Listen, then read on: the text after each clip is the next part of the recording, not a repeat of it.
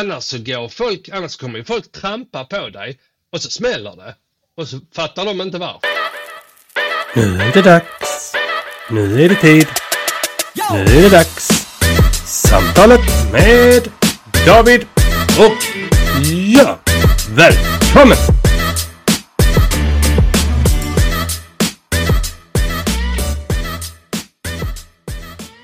Tjena Björn!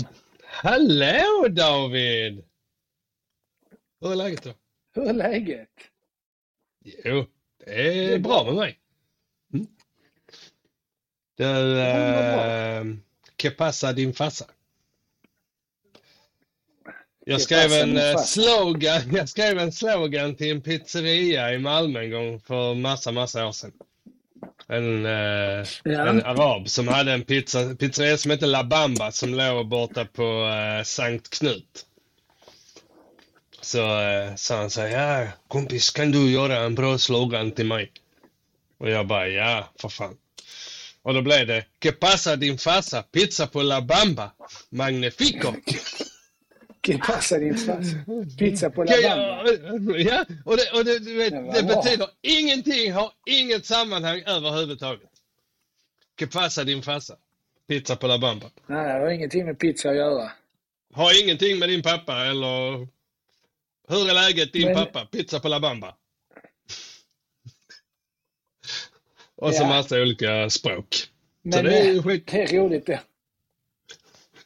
Ja, men jag fick ju gratis pizza eh, så länge jag ville sen. Där så är ju en... eh, eh, Är det så du var sponsrad kan man säga? Det var ju bra. ja, ja, det var ju Där bra är, mat. ju, där är ju den i Malmö som heter, vad heter den? Den heter, den heter, eh, Jalla Jalla heter den. Ja, just det. Falafel. Ja, Tjofräs i Malmö, på Möllan Ja. där någonstans. Där står Ja, ju, precis. deras slogan är ortens favorit. Ja, ja. det är rätt roligt. Och så mitt i stan. Ortens favorit. Ja. Ortens favorit. Ja, fast det måste ju vara eh, number one i Malmö. Ja, Falafel nummer ett är ju den gamla klassiska som ligger på hörnan på Möllan. Um, det var ju godast. Där var jag med om det roligaste. inte Ja, till. Ja, det hette ju falafel nummer ett från början. Ja, ja, men ja, okej, just det, ja, nu vet jag. Och där beställde jag falafeln eh, sen natt efter en blöt kväll. Så jag sa, en eh, stor falafel. Ja. Stark, mild eller vitlök? Ja, ta eh, vitlök. Sorry, slut. Ja, men ta stark då. Kompis, slut. Jaha, nej, då får ju bli mild. Kompis, jag har bara yoghurt. Varför frågar du då om jag ska ha stark, mild eller vitlök när alla är slut? Alltså, jag har Ja. inte slut. Jag hör inte slut, kompis. Jag hade Den är slut. Ja, precis. Hade vit Yoghurt. sås, ingen annan. Ja, Bara sås. Ja, det är... Ja. Jaha, hur eh, går det annars då? Det, ja, det rullar på. Det har varit mycket här nu. Det har varit mycket sista tiden. Jag... Ja, jag hade någon jävla typ... eh, Ja, någon form av mental... Meltdown. Ja, meltdown liksom. Inte, Mm. inte kollaps, men bara meltdown. Det bara blev för mycket. Mm. Eh, det blev för mycket av eh, saker som jag inte hade planerat för eller som inte jag hade, som inte jag visste om. Mm. Som kom i min, alltså som bara kom in i min agenda liksom. Alltså så utifrån. Och det var inte liksom, jag hade inte planerat det, det var inte meningen och det gjorde att jag det, det bara blev för mycket, jag bara tappade allting. Och sen så när den ena saken drog ut på tiden efter den andra och det tog ännu längre tid och helt plötsligt så slutade med att vi, skulle hämta, hämta Marie på jobbet och sen så, du vet, så tänkte jag att jag hämtar Marie på jobbet och så, så kör vi hem och så, så tänkte jag att ja men det är väl okej, jag, kanske, jag kanske är hemma hos dig i, i Sjöbo klockan, när det nu var. Mm. Jag vet inte när jag skulle vara hemma hos dig. Jag kanske hade varit hemma hos dig klockan halv fem, liksom, eller fem. Mm. Ja, men tänkte jag, men det är perfekt. Kör jag hem liksom åtta eller något sånt så är jag hemma liksom nio. Det, det, det blir jättebra. Och så bara... Jag vet inte om vi hade bestämt att vi skulle in i någon... Det ligger någon sån kakelbutik i Sösdala. Mm. Och vi skulle in och prata med dem och beställa grejer. eller Om det bara var... Om vi hade bestämt det eller om det bara blev, blev att vi skulle göra det igår. Och jag var inte alls beredd och jag var inte med på det. Så jag fick en sån mental... Så jag fick typ, nervsammanbrott. Alltså jag fick typ PTSD. Jag bara, alltså allting bara... Du vet, luften gick ur mig, Mm. inte min mobil. Allting bara gick åt skogen. Så sen när jag kom hem så bara som jag skrev till dig att Vet, jag, jag, jag bara gick och la mig. Jag bara sov i två Mm. timmar. Vet, jag var helt förstörd. Det är ju en meltdown. Då, Ja, eh, man tappar, tappar allt för att man inte har kontroll. Ehm, och när man inte har kontroll så blir man så sliter det hårdare och det bara känns som det bara ökar. Det bara blir mer och mer och mer och mer och mer. Och till slut så är det bara till börja om. Ja, alltså det var ju typ så. Mm. Typ vakna, typ strunta i allting. Mm. Um, torka sig i röven typ skulle jag säga, men alltså typ så. Mm. Okej, och sen så bara så, ja men jag kan inte påverka det längre nu. Alltså det, det är vad det är. Du vet, det är bara att be Precis. om ursäkt och gå vidare. Liksom. Mm. Ja men där, där är ingenting annat att göra. Nej. Sen känns, känns det bättre. Vet, så sen, alltså, så gick jag och la mig i tid igår. Eller tid, jag gick och la mig tidigt. Jag liksom typ somnade nio. Mm. Ehm, också för att jag var liksom trött i huvudet. Ehm, mentalt var jag helt slut. Så jag somnade och vaknade sju i morse. Så det kändes det var okej. Ja. Gott, Så då har du fått sova ordentligt. Ja, det var många timmar i sängen. Det var nästan så att jag hade ont i ryggen. Jag var tvungen att gå upp för att jag inte pallade. Ja, jag har också svårt att ligga för länge i sängen. Jag, Ja. jag fixar ju inte att hänga i sängen en hel lördag eller käka frukost i sängen för att jag vet inte vad jag ska bli av. Kroppen gör så jävla ont efter en stund. Ja, ja, men kroppen, ju min kropp. Men det är ju lite så, du vet, jag vaknade... Alltså jag vaknade kanske klockan, jag hade satt klockan på halv sju. Mm. Och så och, och nästa snus på 20 i sju. Så tänkte jag, då är jag uppe kvart i sju. Alltså jag vaknade vid sex. Av mig själv. Mm. Eh, och sen, du vet, kort därefter så kan jag inte ligga kvar. Alltså jag blir så, du vet, rastlös. Det drar, hela kroppen bara skriker. Du vet det här mysiga, och gå och äta frukost i sängen, ligga och dra sig länge, vet, ligga och morras. Alltså, vad fan är det? Alltså, var, Ja. du vet, så ser det ut på filmer. Det är ungefär som, du vet, de här äh, vackra scenerna i filmer. De, de har Ja. sex och så vänder de sig om och så somnar de. Man bara okej. Ja, alltså det är.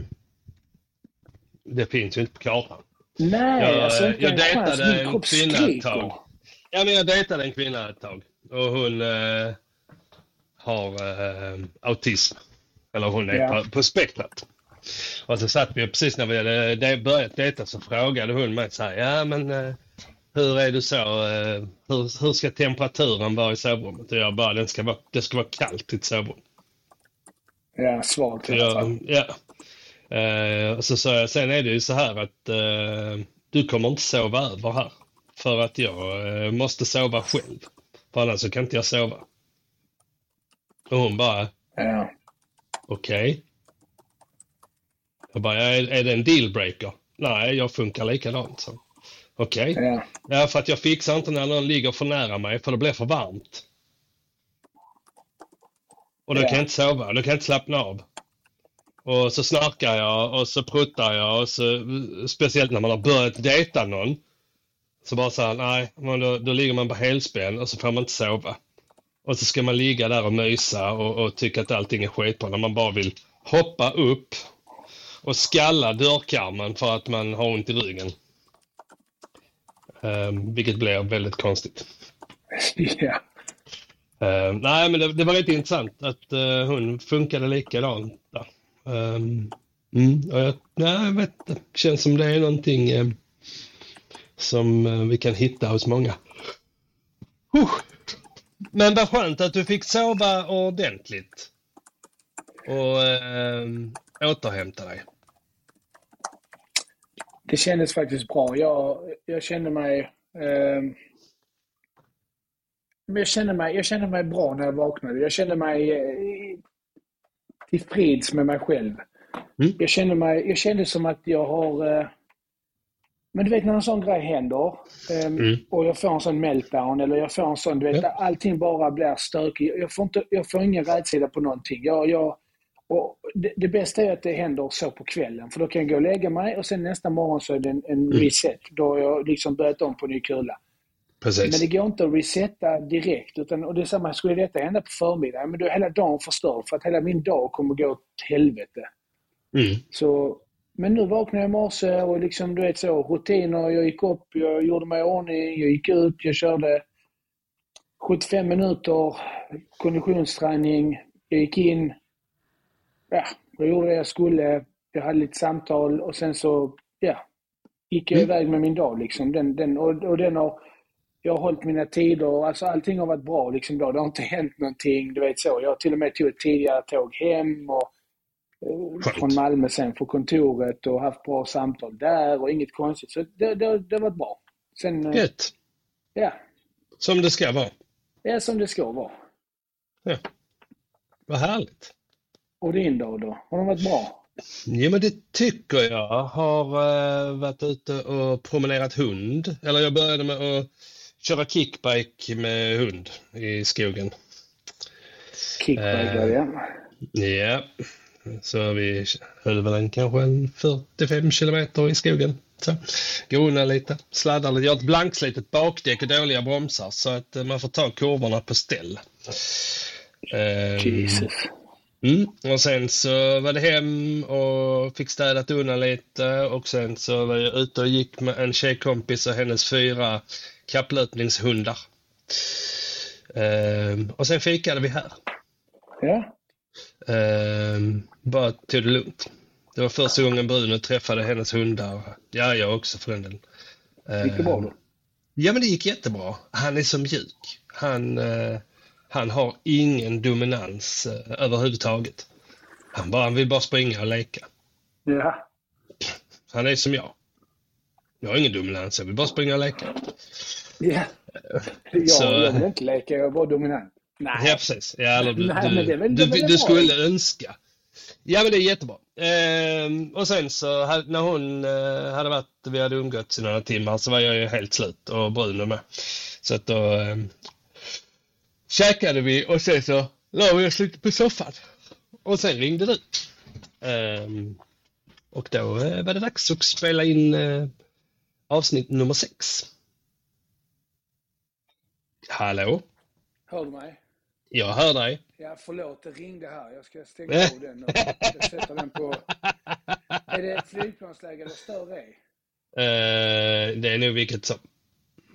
Jag sätter den på Spännande. flygplansläge. Så Ja. eh, har jag den här. För, eh, förlåt, nu säger jag detta. Vi får Ja, det- klippa bort det bara. Ja. Det var en... Eftersom det är handbollsträning jag inte kan gå och inte kan hålla handbollen så har jag Ja. skrivit till en. Och jag ringde en och nu ringde hon tillbaka. Och sen så skrev jag till... Men så en, en, en, en, eh, en kille, Edvards mamma. Hon ska komma Mm. nu kvart i och hämta nyckeln.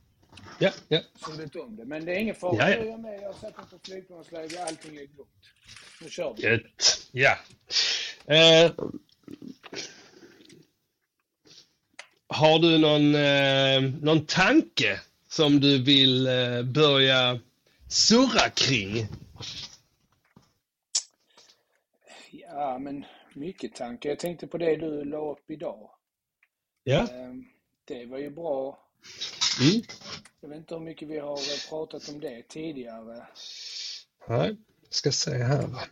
Det Ehm, var ju eh, vettigt. Jag fick lite svar på Mm. det. Alltså så, vissa Ja. som skrev att liksom, ja men det var bra, bra, Mm. bra, bra tankar och det är helt rätt och så vidare.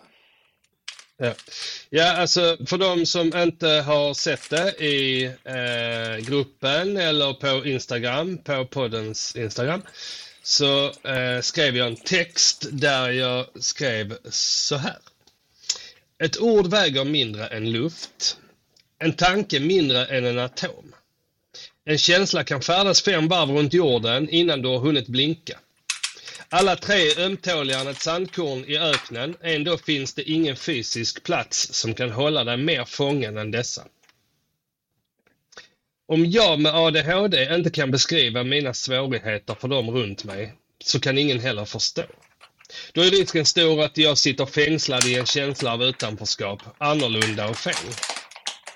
Att hjälpa oss med problematik att förstå vart våra svårigheter skaver och vart de underlättar skapar ett samförstånd. Det skapar medvetenhet, öppenhet och förståelse. Det utanförskapet som, som idag upplevs kommer ifrån, enligt mig, att vi inte har den egna förmågan att förklara våra svårigheter och då inte heller kunna förklara hur, var och varför saker fungerar annorlunda. Kan vi öppet förklara det för dem runt om oss så blir deras upplevelse fundamentalt annorlunda om och när våra svårigheter blir tydligare. Mm. Och det är inte raketforskning.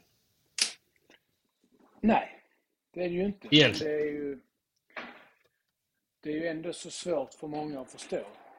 Ja, och, och vi, det, detta är ju någonting som, som, ehm, som jag återkommer till ganska ofta. När, när jag har klienter och deras familjer till exempel. Eh, och, och, eh, och familjen säger kanske så här. Eh, ja men, ja men man måste ju, måste ju äta tillsammans med oss andra eller måste, måste gå till skolan. Och brukar säga så här, ja men om ert barn hade haft cancer. Hade ni tvingat det barnet till skolan och tvingat det barnet att sitta med och äta när de mår illa? Nej, nej. Precis. Och det, är- det är ju för att det inte är något fysiskt eller det är för att det inte är något handgripligen som vi förstår som är problematiskt. Mm. Och då måste vi ha en förklaringsmodell. Um, och och det, det, idag är det ingen som jobbar med förklaringsmodellen.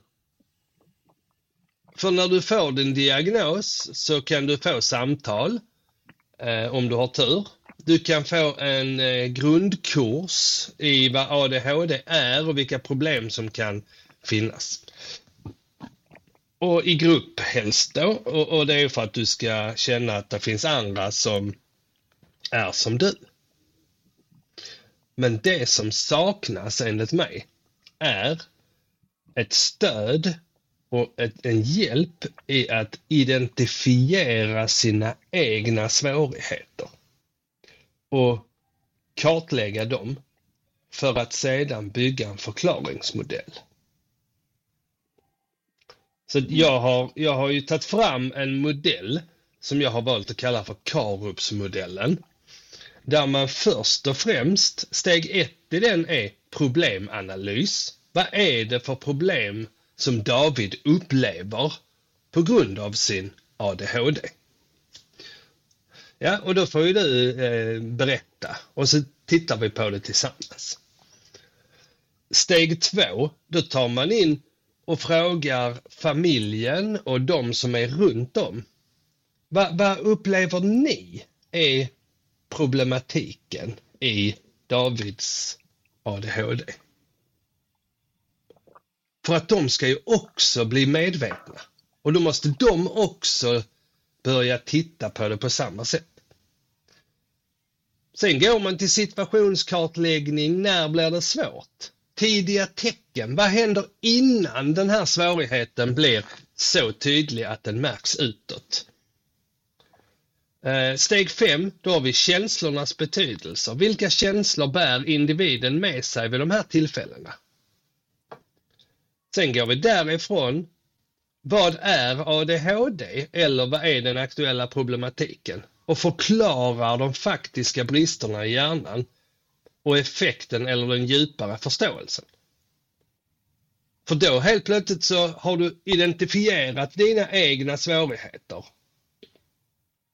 Och du sedan lägger på en djupare förståelse för varför du har de här svårigheterna. Mm. Då kan vi i steg sju gå tillbaka och koppla de nya kunskaperna till tidigare upplevelser. Vilket leder till att du kan förlåta dig själv och de runt omkring dig.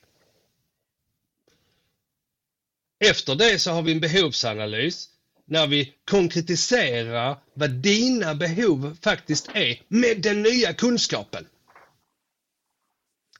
Det är ett sätt att lära dig att sätta gränser. Det här klarar jag, det här klarar jag inte. Det här drivs jag av, det här drivs jag inte av. Sen i steg 9, vad är skillnaden mellan ADHD-symptom och den, de, dig som person? Vad är känslor i detta? Och sen sista steget är att bygga en sammanfattad förklaringsmodell som kan användas både internt och externt. Och träna på det. För då kan du komma till en helt nytt sammanhang och säga så här. Hej, David heter jag. Eh, innan vi kör igång så skulle jag vilja säga att jag har ADHD. Och min ADHD gör att jag inte fixar det här och det här och det här. Eller att jag tappar fokus när det blir så här och så här. Och skulle det hända så, så vet ni om det. Men då vill jag också att ni säger eh, vad tänker du på nu? Va, va, var försvann du någonstans nu? Så att jag kan hitta tillbaka till det vi håller på med. Helt plötsligt när du står och föreläser till exempel och du börjar kladda med telefonen, ja då har de ju en förståelse för varför du gör det. Mm. Då blir det ju inte rövhattigt. Det blir inte så konstigt. Eller hur? Nej, man, man... Nej, det är ju precis det. Det, är, alltså det där är ju precis det man vill att omgivningen ska... Ja. Men om inte du kan förklara hur du vill ha det, hur du vill bli bemött och varför. Hur kan du då förvänta dig att någon annan ska bemöta dig så? Då går ju du och bär de tankarna på insidan utan att förmedla dem. Det, folk är ju inte tankeläsare. Nej, så är det ju absolut. Nej, det är viktigt. Och det, det är ju, handlar ju om allt, inte bara om du har ADHD. Om jag inte accepterar det här och det här så måste jag ju förmedla det lugnt och tryggt, helst innan det händer. För då vet folk. Annars så går folk, annars kommer ju folk trampa på dig och så smäller det. Och så fattar de inte varför. Ja. Och jag tror att det du säger det är så viktigt det här med att, att, att berätta vad det är för problematik man har eller att göra folk uppmärksamma så att folk får en möjlighet att förstå. Ja, Det där är ju så, det där är ju så vansinnigt viktigt för att i dagens läge så de flesta, alltså förstår du mig rätt nu, men, men, men Mm. de flesta de, de tror att de vet vad ADHD är. Ja men då är man så. Och du vet, för att man har fått, Mm. vet man inte vad ADHD innebär eller MPF så, så, så har man bara hört att är man ADHD så är man dampig och man eh, kan inte sitta stilla och man är helt uppe på väggarna. precis. Men, och, och det kanske kan vara, det kanske är en del av det. Men precis som du säger, när vi kommer till sociala sammanhang, när vi kommer till en, en tillställning eller vi ska ha en gemensam föreläsning eller vad det nu kan vara, där man någon säger så, ja men som du precis som du säger, hejsan mitt namn är David, nu är det så här att jag har ADHD och det, det gör att jag har viss problematik när det kommer till detta och detta och detta. Och Mm. blir det si och så, si och så, så vill jag att ni försöker förstå detta liksom. Och det är på grund av detta. Det, det är den förklaringen som jag Mm. har. Eh, Och det, Precis. det, är därför jag agerar eller reagerar eller därför jag gör som jag gör i vissa lägen. Ja, men om du hade varit synskadad och du hade kommit in i en lokal så hade du ju sagt så här, ja hej ursäkta mig, jag är synskadad, är det någon som kan hjälpa mig att lotsa mig fram här om det är några föremål i vägen? Eller suttit i rullstol, hej, är det någon som kan hjälpa mig upp för rampen? Visst är det så. Det är Då hade de... Ja, och, och det, det där är självklart. Och det är så jävla bra, för att det är så jävla bra liknelser, även om Mm. ADHD. Men, men det, det är så bra för att det är så viktigt att säga, för om jag kommer in och jag är synskadad och ingen vet det, jag kanske bara ser 15 procent. Precis. Båda ögonen. Jag ser knappt, jag ser jättedåligt. Och så säger någon, ja men kom här. Ja men och så går man och välter och sånt och de bara, fan är han full eller vad är det? Och. Så ramlar jag och så, fan han Mm. måste vara toppad. Och sen så går snacket om att jag är toppad. Så sa han, nej jag är inte toppad. Vad hände då? Men jag kan inte se. Varför sa Nej, du inte precis. det? Nej, precis. jag- Hur ska vi kunna hjälpa dem du inte ser? Det är ju exakt samma sak. Det är så jävla bra Ja. beskrivning. Och det är det Ja. som är så viktigt i dagens läge. För folk, folk förstår inte och folk målar upp en bild av att vad, vad innebär det att ha ADHD? Ja, men det är ju för att de som har ADHD i folks omgivning har inte själv fått stöd i att inventera sin egen ADHD och svårigheter och hitta förklaringsmodeller. Då kan man inte förklara det för någon heller. Nej. Och detta det som blir- säger, förlåt, men det du säger, inventera och försöka själv lära sig förstå Ja. för att sen kunna förklara för andra. Bara det där, den här modellen du skapar, den Mm. som vi pratar om nu. Mm, mm. Vi är båda överens om vad vi tycker det här. Vi tycker likadant. Detta här är Mm. så, detta här är liksom till exempel då, om vi tar myndighet. När man kommer, Mm. när ett barn eller en vuxen eller vem det nu än är kommer till, ja, om det är barn är det BUP, men om man kommer till psykiatrin och man blir utredd. Precis. När du får en diagnos att du har Mm. någonting som kallas ADHD, här har du en hyperaktivitet. Då behöver man ju, för, man behöver ju få det här, man behöver ju Mm. få lära sig det här. Mm.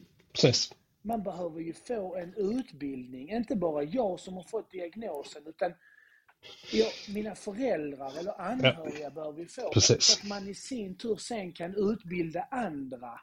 Ja, Så att vi precis. tidigt förebyggande kan, kan, kan förebygga missförstånd eller konflikter eller att Ja, exakt. misslyckande hos, hos det här barnet, om vi nu pratar Mhm. barn, ja men då innebär det Precis. Tänk om föräldrarna kan lära sig och sin tur kan de lära barnet och sin tur kan barnet och tillsammans kan man lära pedagoger och elever och allt vad det än är.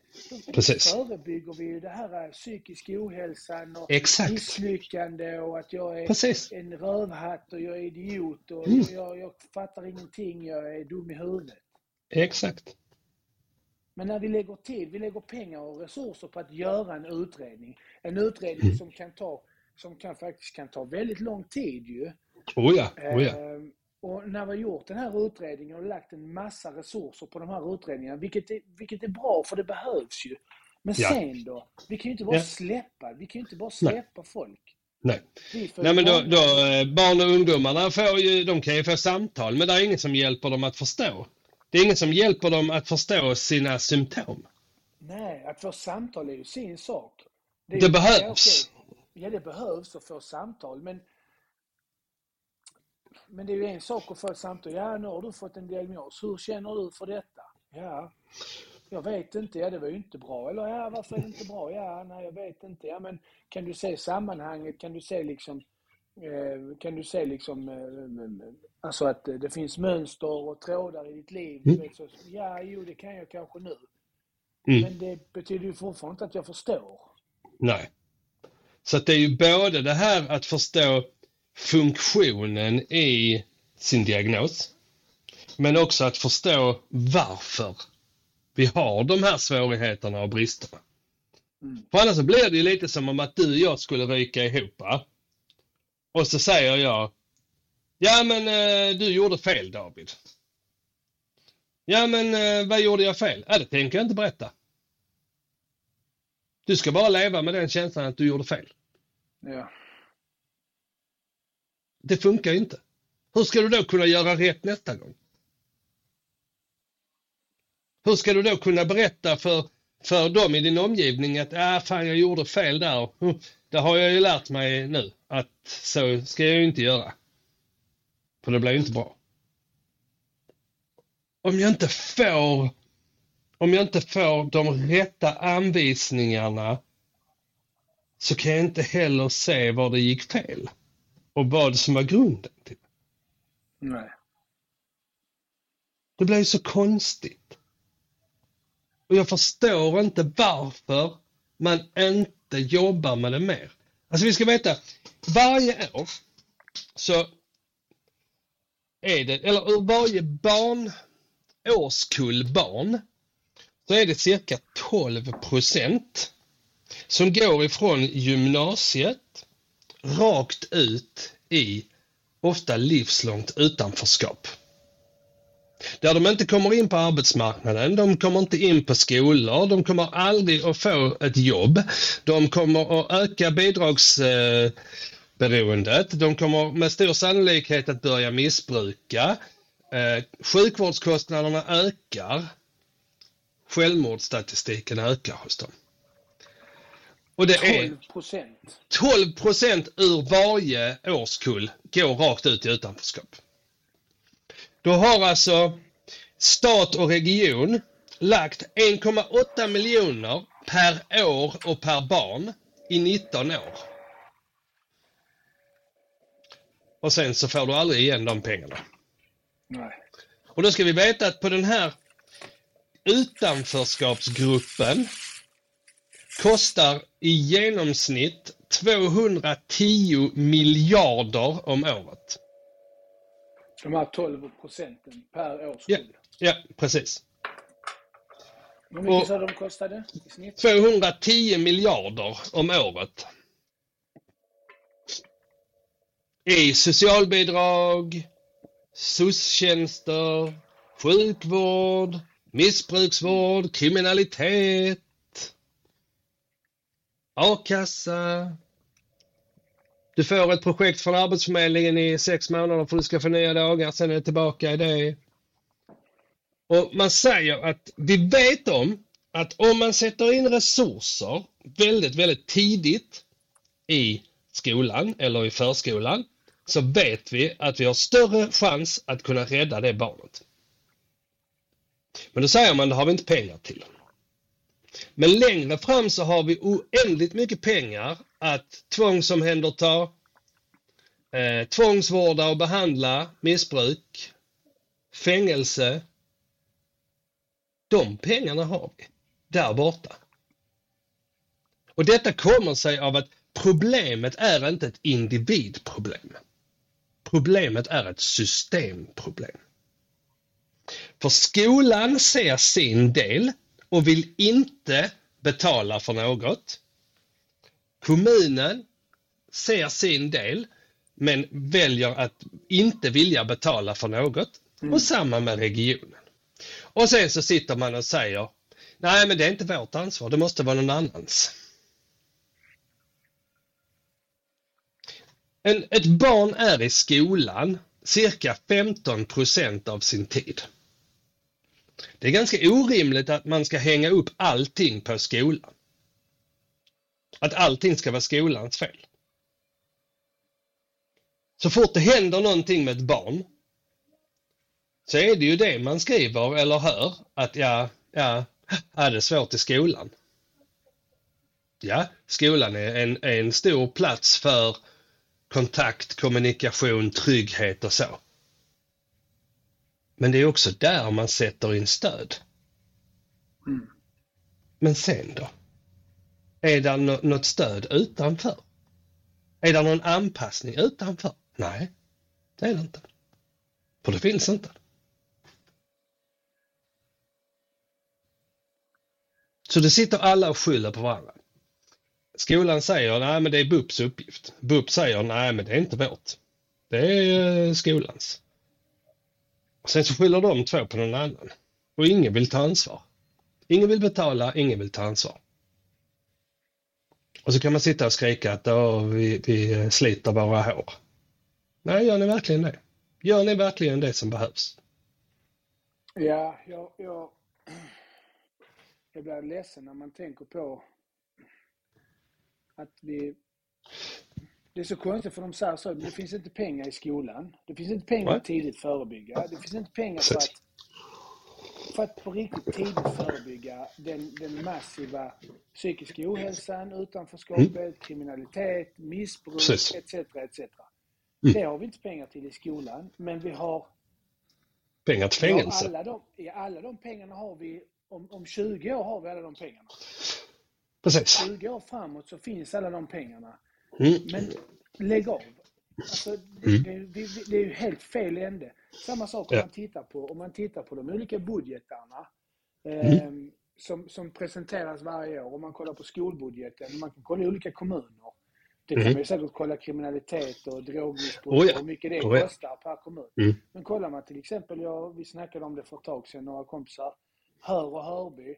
Ja, men Mm. Deras budgetkassa i skolan, skola, skola och omsorg, det Mm. ökar, det ökar jättemycket varje år. Alltså från 2022 till 2023. Detta året har de fått mycket mer pengar. Vet, Mm, det är också för att ni har haft, nej, men ni har haft mycket inflytt. Ja, det kanske, det kanske har varit mycket inflytt, men jag menar man, man pytsar in mycket pengar. Mm. Men då tänker jag så, ja men okej, vi pytsar in mycket pengar, men det, det är inte tillräckligt. Vi behöver ju ta av de pengarna som vi ändå kommer att använda längre fram. Mm. De pengarna behöver vi använda nu för, för att skaffa de resurserna och de, den adekvata hjälpen och tidigt förebyggande som vi, som vi faktiskt behöver Mm. för här och nu. Ja, alltså där har vi ju ett annat problem. Där har vi ju problemet att budgeten ligger på ett år. Mandatperioden ligger på fyra år. Fyra. Ja. Och det finns en man som heter Ingvar Nilsson som är nationalekonom. Fantastisk människa. Och jag har bett honom att han ska vara min mentor eh, när det kommer till statistik. Han är världens, han och hans kollega är världens bästa på att beräkna utanförskap. Och det har de hållit på med i 40 år. Och han hade sagt till en, en, eh, en kommun så här, ja men eh, pengarna finns ju där borta. Ja, fast de, de kan vi inte röra. Nej, okej.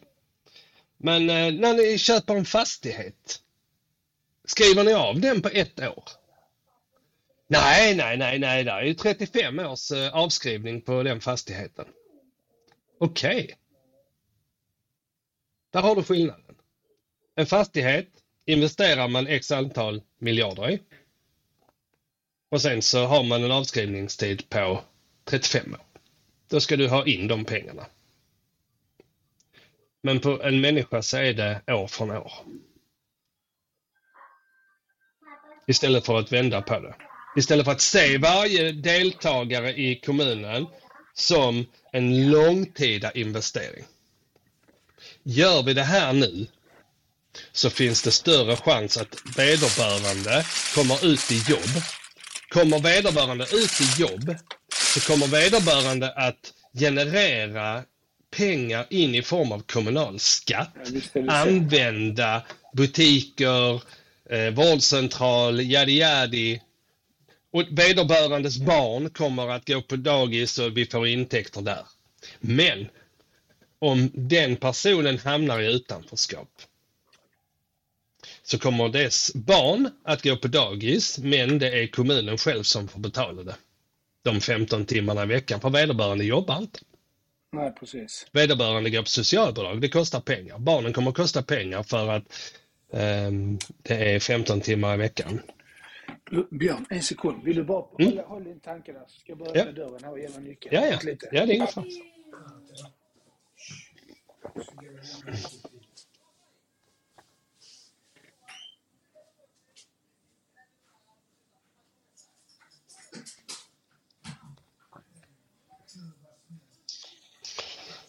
Så här är det att ha podd tillsammans med eh, någon med ADHD.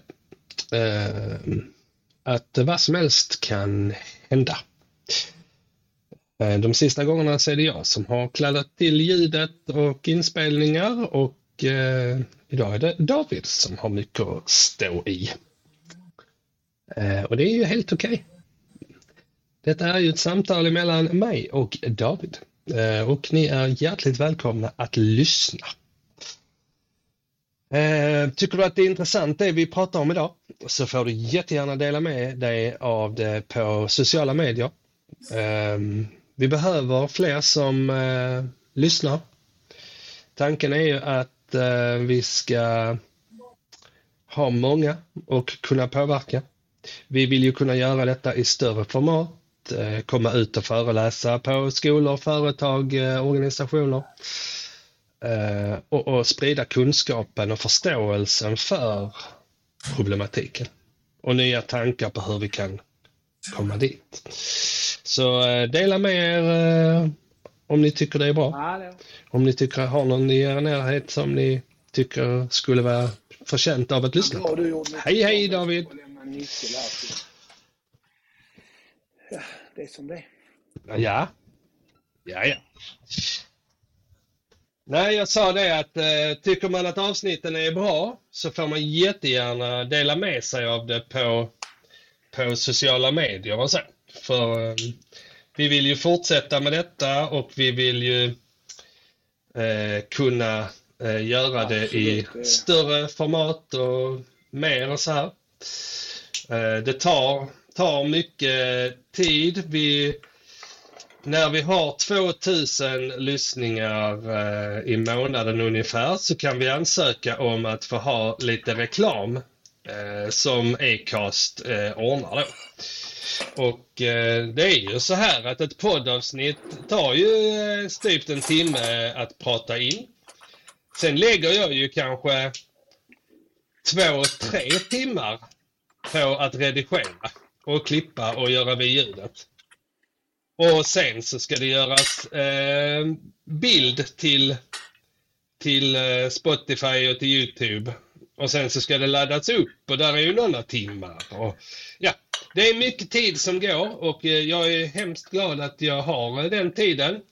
Men eh, över tid så, så hade vi ju tyckt att det var skönt om vi kunde generera in lite kulor eh, i podden.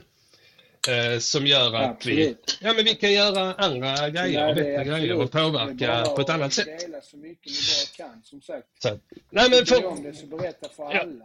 Säg det på jobbet. Och, ja, det, det hade varit... och är det någonting som ni vill att... Precis. Ja, och vill Precis. vi ta... Är någonting... Starta en dialog på jobbet liksom. Det, Precis. Och har är det ni frågor vi så- och prata om så är det bara att säga ifrån till oss. Är någonting ni inte tycker stämmer så är det bara att prata med oss om det. Så. ja. Ja, precis. Ehm, och, och det, är, eh, Oerhört det är viktigt för att vi brinner för denna frågan och vi, vi vill ju komma ut till er och prata om det. Det behöver inte vara att vi kommer ut och berättar hur det är, för då vet inte vi hur det är för dig. Men vi kan komma ut och starta en diskussion. Vad är det som händer? Hur kan vi tänkas Ja, göra? Vilka vägar kan vi gå? Jadi, jadi, jadi, jadi, jadi. Så. Eh, Det är ju det enda vi kan göra. Nej, men så att Ja. för att återgå till, till eh, den här statistiska verkligheten så, så är det ett systemproblem. Det är inte ett individproblem. Eh, De olika systemen i samhället försöker skydda sin egen plånbok och sitt eget ansvar och skjuta över ansvaret på någon annan eh, för att få betala. Och där, där är, så hamnar ju eh, människan Nej, i kläm. Problemet, Det är inte svårare än så. Så innan, innan någon eh, säger att nu ska vi gå till botten med det här och vi ska samarbeta över gränserna på riktigt, och problemet är ju också att så kommer ingenting så att hända. de som blir drabbade, när det är ett individproblem, eller systemproblem och inte ett individproblem, de som blir drabbade, Mm. det är de som redan är i utanförskap, som är försvagade, som de svagaste i samhället och det är de som blir... Det är de Ja, men det är de svagaste. Ja, Ja, Ja. lite samma sak har vi ju, har vi ju där Ja. med, med förklaringen och förståelsen för, för våra svårigheter, och, eller för folk som har NPF och barn, och ungdomar och vuxna och deras svårigheter. precis. Förståelsen och, och, och kunna förklara det och Precis. förstå det själv och kunna Ja, kartlägga sina egna svårigheter, för att alla har ju olika svårigheter, Mm. men att kunna, och sen att kunna, att kunna, kunna ha den självkänslan och det självförtroendet, att kunna, att våga stå upp och våga säga att det här är Mm. jag, det här har jag problematik med, detta här behöver jag stöd och detta här behöver jag Mm. förståelse i. Det är där det behövs så mycket resurser. Mm. Ja, det är ju så. Och om, om jag, kan ju, Ja. jag har ju den här klienten som det har gått så bra för. Som jag har pratat om innan. Som har utvecklats så mycket. Eh, och eh, vi hade vårt eh, veckosamtal i måndags. Och då berättade han att De har fått en ny kvinna på jobbet som ska hjälpa dem att strukturera lite olika system. Han jobbar som IT-tekniker. Mm. Och eh, han, gill, han gillar henne. Han känner sig trygg med henne. Så sa han, vet du, vet du vad jag gjorde idag? Nej, sa jag, vad jag gjorde? Jag tog henne till sidan och så sa jag, du, Eh, jag måste berätta för dig att jag har ADHD och jag funkar så här och så här. Så sa jag, okej, okay. vad sa hon då? Hon tittade på mig och så sa hon, okej, okay, hur kan jag hjälpa dig? Uh, och då sa han, ja men det är det här växande berget uh, och, och tidsåtgången och så. Och då sa hon att så fort du känner att du börjar bli stressad över ett berg så skickar ja, du över det till häftigt. mig. Så hjälper jag dig med det. Och sen kommer hon till honom och kollar av. Och, jag, och det är ju bara för att han har ökat sin medvetenhet och sitt självförtroende och självkänsla i sin diagnos. Ett, och kan förklara att det, vi har ju jobbat jättemycket med det och pratat jättemycket om det. Var, var, var ja. det sitter.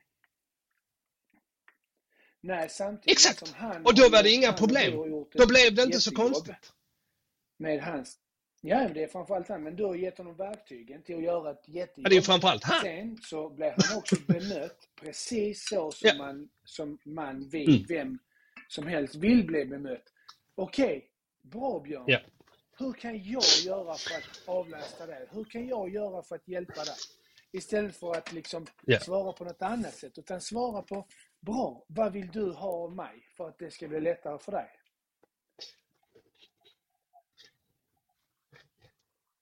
Ja, och jag tror att om man, om man kan släppa sin skam när man ska beskriva och förklara ens situation så blir det inte så klossigt när man förklarar. Men om jag kommer till dig och säger så här David. Ja, jag har ADHD, så jag behöver anpassningar. Jaha, vad va, va är det för anpassningar du behöver? Ja, det vet jag inte. Men jag behöver dem. För att detta blir för mycket. Ja, men vad är det som blir för mycket? Ja, allt. Då går du ju in i den leveransen med en skam, skuld och en attityd. Ja, då är det väl inte konstigt om gensvaret blir hugget och snarigt. Och framförallt så är det din upplevelse att det blir snarigt, snarig respons. För att du redan bär på den skammen. Så då krävs det inte så mycket för att du ska uppleva det som en full frontal attack. Och bli skitsur. Och, och stå och kräva eh, anpassningar när du inte vet vad det är för anpassningar du behöver. Hur ska någon annan kunna veta det? När inte de vet dina svårigheter. Men om du har gjort den här kartläggningen och kan lugnt och stilla förklara att ja, men min ADHD funkar så här och så här. Och ibland så blir det så.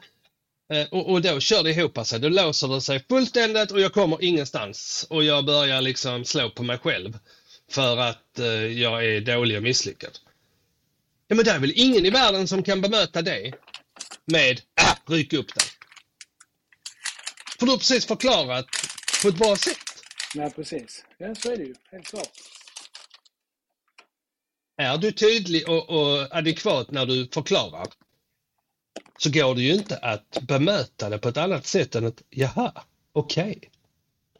Men har du en attityd och du ställer en massa krav utan att egentligen kunna backa upp varför. Jag, jag tycker det var så jäkla bra det som hände där med din klient där. Mm. Det, det, det, fina, alltså det fina kartläggningen och samarbetet ni har haft, alla ja. fina samtal, vad det har lett till. Ja. Hur det har lett till att han har kunnat få hjälp med att kartlägga Precis. sig själv och sina, sin problematik eller sina svårigheter, hur de mm. ser ut. Och sen Precis. Att, att, att han på ett pedagogiskt sätt idag kan, kan förklara liksom. Precis. Och att han sen, nu när han verkligen behövde det, så fick han, fick han liksom en person som ska vara där för att hjälpa dem, men som, som bara bemöter honom på precis det sättet som han behöver bli bemött på. Ja. Att ställa frågan, det är precis som att Ja, men om du kommer in till din chef och säger så här, jag ska ha högre lön. Så kommer din chef och bara säger, ja varför det? Ja. Och vad händer om du säger, ja det bara är så? ja, men det är, för att, det är för att jag är bra. Det är för att jag är som jag är. Jaha, okej. Ja, men precis. Ja, ja, okej. Så, ja, okej. Men vad har du att backa upp det med? Precis, det blir ju så. Men jag behöver ju en liten motivering till varför man ska ha en högre Du lön. behöver ju en förklaringsmodell till varför du ska ha en högre lön. Precis, och det jobbar vi ju på själva ju. Alltså en förklaringsmodell till hur ska jag nu hur ska jag nu kunna gå in i det här lönesamtalet och göra ett nytt löneanspråk och Precis. Och det är ju där du får ta ut liksom din statistik och eh, checka upp de klienter du har haft under de senaste sex månaderna. Vad har hänt när, de har, när ni har släppt dem? Hur långt har de kommit? Använder de sig av det ni pratade om? Och ta med det in i förhandlingen. Och säga, ja men mina klienter levererar det här. Jag vet inte hur de andra har, men jag tror inte att de levererar så här högt. Nej, precis. Eller säga att detta är liksom min statistik är bra. Precis. Men du, jag tänkte Så. på det du sa, det här med, med eh, den här alltså, kartläggningen och, för, och Mm. förstå och kunna få, få andra att förstå. Mm. Jag hade ett samtal med, med, två, med en familj. Två Mm. föräldrar och två, två eh, flickor. Mm. Eh, 17, snart 18 och eh, eh, 16. Mm. 15 år gamla. Och det var då, det grundade sig att det fanns mycket konflikter. Föräldrarna separerat, föräldrarna är jättebra vänner, det har varit en bra separation och så vidare. Mm. Men det är konflikter mellan tjejerna, mellan barnen. Mm. Eh, så började vi prata lite och eftersom vi, det är första gången vi träffas, vi har ganska kort tid för kartläggning. Men det visade sig då att tjejerna har väldigt mycket gammalt groll i sig. Ja. Och då säger den, den yngsta tjejen, så säger jag till henne, men du, jag hör, jag sitter här och lyssnar, sa jag till henne, eh, jag kan kalla henne för eh, Åsa. Mm. Du, så jag, jag sitter här och lyssnar Åsa på vad alla andra berättar om, hur, hur era konflikter uppstår och så. Men jag hör inte dig berätta någonting. Va, vad är det du känner? Hur är det du upplever eh, att era konflikter startar och vad det är som händer? Och hur skulle du vilja att ni i fortsättningen hanterar konflikterna och när det uppstår liksom eh, oenigheter? Mm. Och så börjar hon prata. Och då, och då grundade det sig, så summa summarum var att hon har, hon har blivit kränkt och känt sig ledsen av sin stora syster som är en A-student och hon, den, andra, den lilla flickan är, du vet så här stökigt B-barn. Mm. Så hon har känt sig misslyckad kring sin syster i alla år sedan hon var liten. Mm. För att hennes syster lyckas med allting, men hon lyckas inte med någonting. Eh, hon, sa så, hon sa till mig, ja men eh, min syster går på, går på en, ett fint eh, gymnasie nu, något läroverk. Mm. Och, hon läser natur och hon ska bli det och det. Och jag, vad ska jag göra? Jag kommer komma in på den sämsta utbildningen som finns av alla. Och så börjar jag, men lyssna här nu, vänta. Sluta nu spanka på dig själv och slå på dig själv. Det tycker jag inte om. Precis. Det förtjänar du inte överhuvudtaget. För ni två är inte samma personer. Så sa jag, men istället för att slu, sluta slå på dig själv, det du behöver göra, sa jag till henne, det är att du måste förklara, berätta vad det är du vill, berätta vad det är du skulle vilja att, att, att, att andra tänker och, och, och hjälper dig med. Hur skulle du vilja bli bemött? Du har just tagit del av något så unikt som ett öppenhjärtigt samtal mellan två män. David och Björn. Du hittar oss i sociala medier, både på Facebook och Instagram. Instagram söker du på samtalet.com. Har du några frågor, idéer eller tankar? Skriv till oss där. Vi svarar på allt. Tills nästa gång.